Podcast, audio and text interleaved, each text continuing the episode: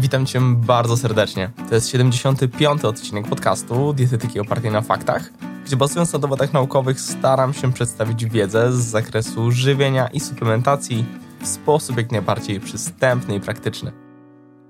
W niektórych kręgach dość popularne bywa przekonanie, że pewnych grup pokarmów, a właściwie konkretnie składników odżywczych, nie należy ze sobą łączyć. Propagatorzy takich twierdzeń sugerują, że jest to konsekwencją różnic w trawieniu i wchłanianiu. W końcu przykładowo, węglowodany oraz białka wymagają skrajnie innego pH.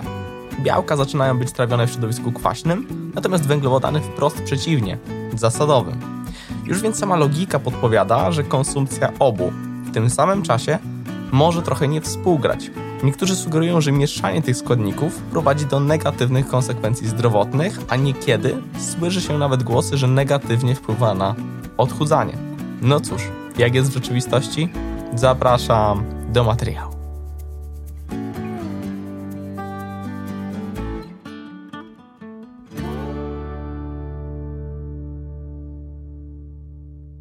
Otóż warto zdać sobie sprawę, że nie wszystko, co logiczne, musi być prawdziwe. To, że przytoczone już białka i węglowodany wymagają różnego środowiska i pH, wcale nie oznacza, że prowadzi to do swego rodzaju konfliktu. Węglowodany swój rozkład rozpoczynają już w jamie ustnej, natomiast dalsze, zasadnicze trawienie odbywa się w dwunastnicy i jelitach. W przypadku białka wygląda to trochę inaczej. Trawienie białek rozpoczyna się w kwaśnym środowisku żołądka, skąd przechodzi do dwunastnicy i jelit, gdzie nie wymaga już niskiego pH. Z tej perspektywy założenie diety rozdzielnej, bo tak też to rozdzielanie składników odżywczych bywa nazywane, traci pierwotny sens. Co więcej, bo akurat argumentów opalających mit diety rozdzielnej jest naprawdę wiele, przykładowo sok trzustkowy, neutralizujący kwaśną treść pokarmową dostającą się z żołądka do dwunastnicy i dalszej części jelit, zawiera enzymy trawiące różne składniki pokarmu, zarówno węglowodany, tłuszcze, jak i białka. A więc niezależnie od tego, czy spożyjemy pokarm będący na przykład źródłem wyłącznie skrobi, czy też wyłącznie białka, lub też ich połączenia, trzustka i tak wydzieli pełen pakiet enzymów. Tak jesteśmy już skonstruowani.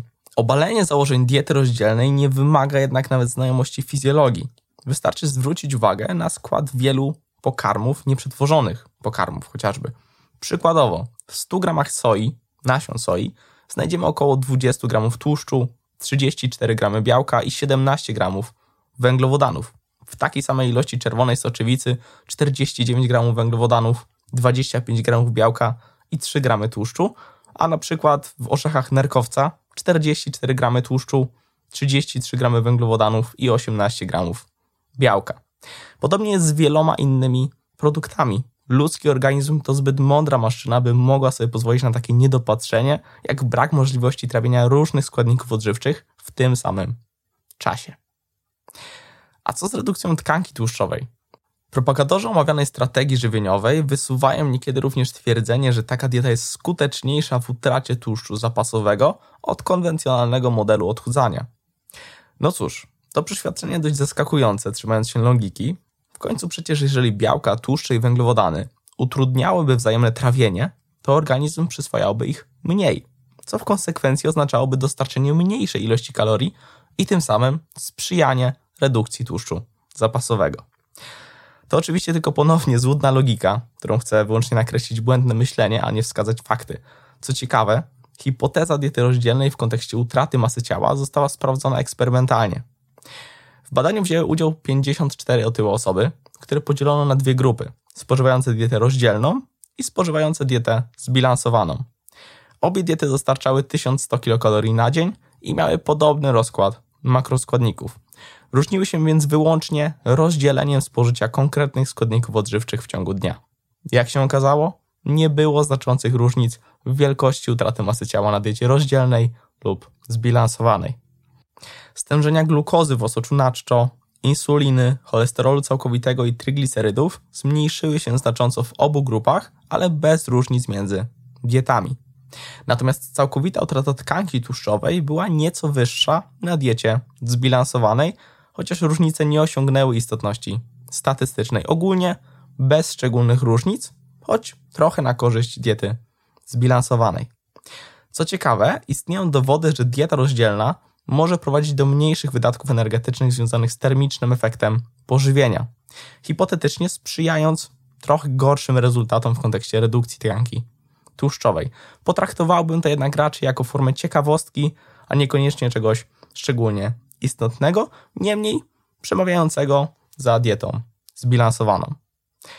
No dobrze, podsumowując, dieta rozdzielna nie ma uzasadnienia w świetle fizjologii ludzkiego ciała i nie niesie ze sobą dodatkowych korzyści. Jej wprowadzenie jest niemniej nieszkodliwe dla zdrowia i może być praktykowane przez osoby, które są przekonane o jej nadzwyczajnych właściwościach. Niekiedy przejawia się tu jeszcze temat chorób przewodu pokarmowego, natomiast warto zwrócić uwagę, że w ich przypadku, w zależności od konkretnego problemu, są lepsze rozwiązania żywieniowe, też bardziej dostosowane właśnie do konkretnego problemu. Mam nadzieję, że ten materiał był dla Ciebie wartościowy. Jak zwykle, krótko i na temat. To już tyle ode mnie.